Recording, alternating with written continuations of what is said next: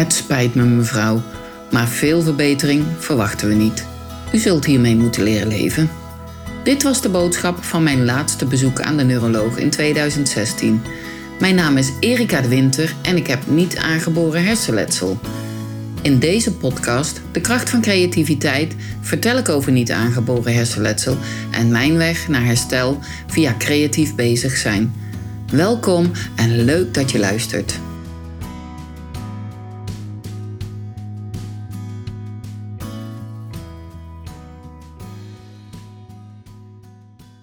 Wat begon met een blauwe koe. Het is 12 maart 2016. Ik ben dan 53 jaar. Op dat moment heb ik een evenementenbureau. En ik heb net een superleuk evenement gehad in de grote kerk van Dordrecht. Ik had er voor de allereerste keer een trouwbeurs georganiseerd. Het was een groot succes. De dag erna heb ik een afspraak in het Postillon Hotel. Maar ik voel me niet helemaal lekker en vraag of mijn man meegaat.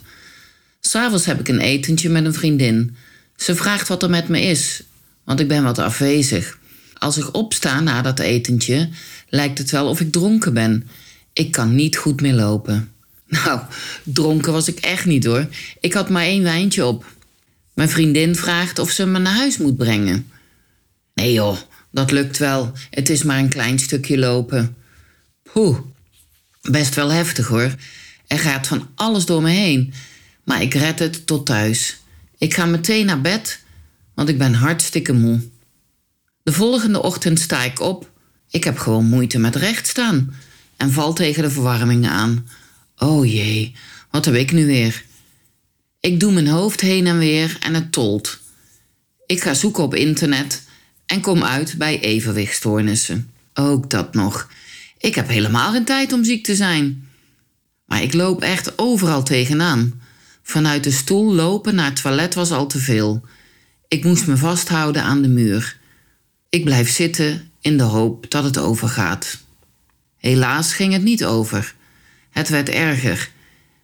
Ik kan me niet meer concentreren en het lijkt wel of de wereld langs me heen gaat. De wereld is ineens veel sneller dan dat ik ben. Het lopen gaat steeds moeilijker en ik heb moeite met het omschrijven van mijn gedachten en gevoelens. Ik kan geen twee dingen tegelijk doen. Als ik loop, kan ik niet praten. Als ik praat, kan ik niet lopen. Oh, help, wat moet ik hiermee? Wat is dat nou weer? Toch maar even de huisarts bellen. Die nam mijn klachten serieus en ik mocht meteen langskomen. Dokter, mijn hoofd is raar en als ik loop, lijkt het wel of ik dronken ben. Meer kon ik niet uitleggen aan de huisarts.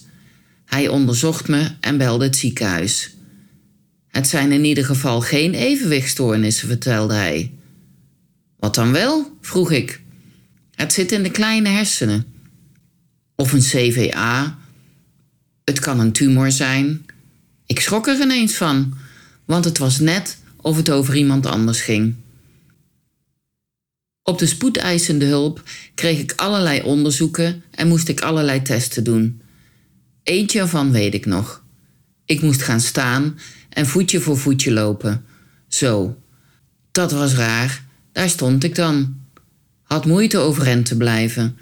En mijn voeten wilden niet. Hoe moeilijk kan het zijn, zou je denken? Nou, geloof me, heel moeilijk. Ik kreeg het gewoon niet voor elkaar. Ik zei tegen de arts: uh, Even wachten hoor, het lukt zo wel. Ik werd aan beide kanten ondersteund, maar voetje voor voetje ging echt niet lukken. Ik werd weer teruggelegd in bed. Een aantal uren later kwam er een dokter naar me toe. Mevrouw de Winter, we hebben de uitslag. U heeft een herseninfarct gehad. Wie? Ik? Nou, dat kan toch niet? Dat gebeurt toch alleen maar bij oude mensen? Ik ben 53. En ik ben niet aan het kwijlen, schijn ik gezegd te hebben. We gaan u opnemen, op de strookafdeling. Ik werd in mijn bed naar boven gereden ik weet nog dat ik tegen de verpleging zei: Ben ik wel goed hier? En ik wees naar het bord met strook erop. De zuster zei: Ja, mevrouw de Winter, u heeft een strook gehad. Weer dacht ik: Dat kan toch niet? Dit gaat niet over mij. Ik was erg moe en sliep heel veel. Ik weet nog dat ik na drie dagen zei: Mag ik alsjeblieft naar huis? Er is niets met me aan de hand. Ik ben alleen maar heel erg moe. Toen werd het tijd om iemand te laten komen die mij de ernst van de situatie in liet zien. Ik werd in mijn rolstoel gezet en moest mee naar de begane grond. Ik kreeg een opdracht en moest twee dingen gaan opzoeken op de zuil in de centrale hal van het ziekenhuis. Och jee, het begon al in de lift. Ik wist niet meer wat ik moest doen. De revalidatieverpleegkundige vertelde nog een keer wat ik moest doen. Bij de zuil aangekomen brak het zweet me uit. En daar kwamen de tranen. Het waren twee simpele dingen die ik op moest zoeken, maar ik wist het gewoon niet meer. Wat stom, dacht ik. Zou nou door dat herseninfarct mijn intelligentie aangetast zijn? Ben ik nou dom? Ik was echt helemaal van slag. Nou, mevrouw de Winter, dit is nu precies waarom u niet naar huis mag. Uw korte termijngeheugen is aangetast. Stel, u gaat naar de keuken en u zet de aardappels op. Als u naar de huiskamer gaat, vergeet u dat er aardappels op staan. Dit is te gevaarlijk. Na vijf dagen hadden we een, een, eh, gesprek met de revalidatiearts. U moet naar een revalidatiekliniek in Breda, mevrouw. Dat zal ongeveer twaalf weken zijn. Maar dat wilde ik niet.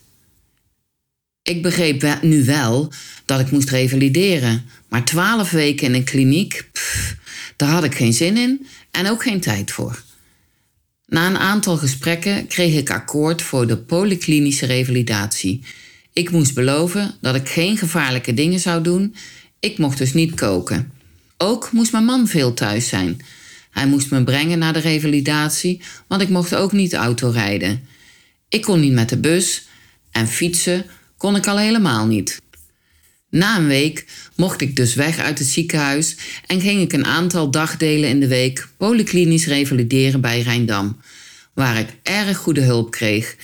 Ik moest helemaal opnieuw beginnen met het leren om een dag in te delen, het huishouden te doen enzovoort. Alle structuur was weg. Na zes weken kreeg ik een lijst van de ergotherapeut. Hierop moest ik invullen wat ik de hele dag deed.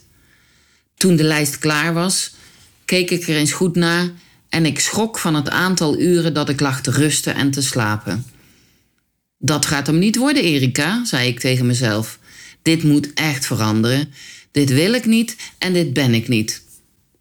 Even heel snel gezegd, in plaats van slapen, ben ik mezelf creatieve, creatieve therapie gaan geven. Zeven weken na mijn herseninfarct begon ik met het beschilderen van een koe. Geloof me, ik heb gewoon genoten. Het was heerlijk. Niet nadenken, geen fysio, geen ergo, geen psycholoog. Gewoon lekker bezig zijn. Alleen ik, mijn handen en mijn gedachten. Totale ontspanning. Gewoon alles even vergeten. Drie uur lang. Wat een overwinning. Ik kon ineens drie uur doen. Iets doen zonder moe te zijn.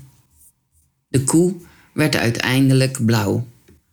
De dag erna werd ik wakker en ben ik er eens goed over na gaan denken. Als dit voor mij nou zo ontspannend werkt, dan moet dat toch voor andere patiënten ook werken. En toen, ineens, werd er een stukje van mijn hersenen bereikt dat ik al een paar weken kwijt was. Mijn ideeënkanon ging weer werken. In mijn hoofd was ik al een plannetje aan het maken om mensen met niet aangeboren hersenletsel workshops te gaan geven over positief denken in combinatie met kunst maken. Zo is het idee voor woensdag Blijmakersdag ontstaan.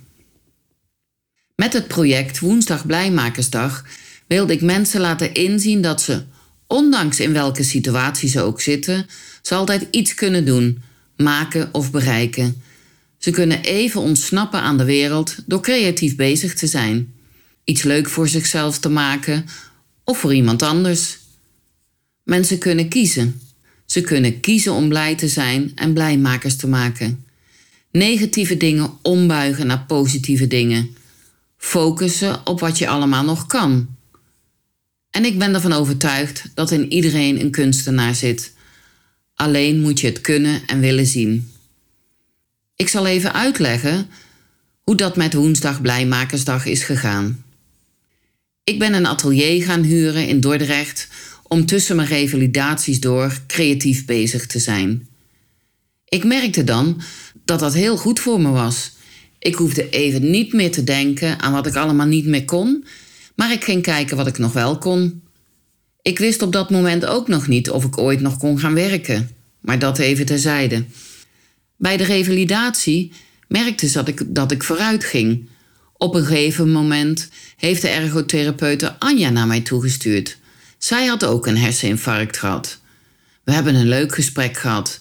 We zaten in hetzelfde schuitje. Anja kwam iedere woensdagmiddag. We hebben samen een creatieve reis gemaakt. Wat uiteindelijk begon met woensdag Blijmakersdag, is uitgegroeid tot een succesvolle creatieve dagbesteding, Studio Blijmakers. We werken bij Studio Blijmakers met de Blauwe Koe-methodiek. Een methodiek die ik de afgelopen vijf jaar ontwikkeld heb. Over Studio Blijmakers en de Blauwe Koe-methodiek hoor je in latere podcast natuurlijk veel meer. Ik heb dit niet alleen kunnen doen. Ik ben erg dankbaar dat ik hulp kreeg van een aantal mensen om dit project op te starten.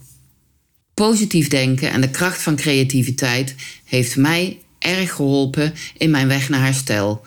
Het heeft me kracht en energie gegeven. Dat is wat ik jullie ook graag wil meegeven.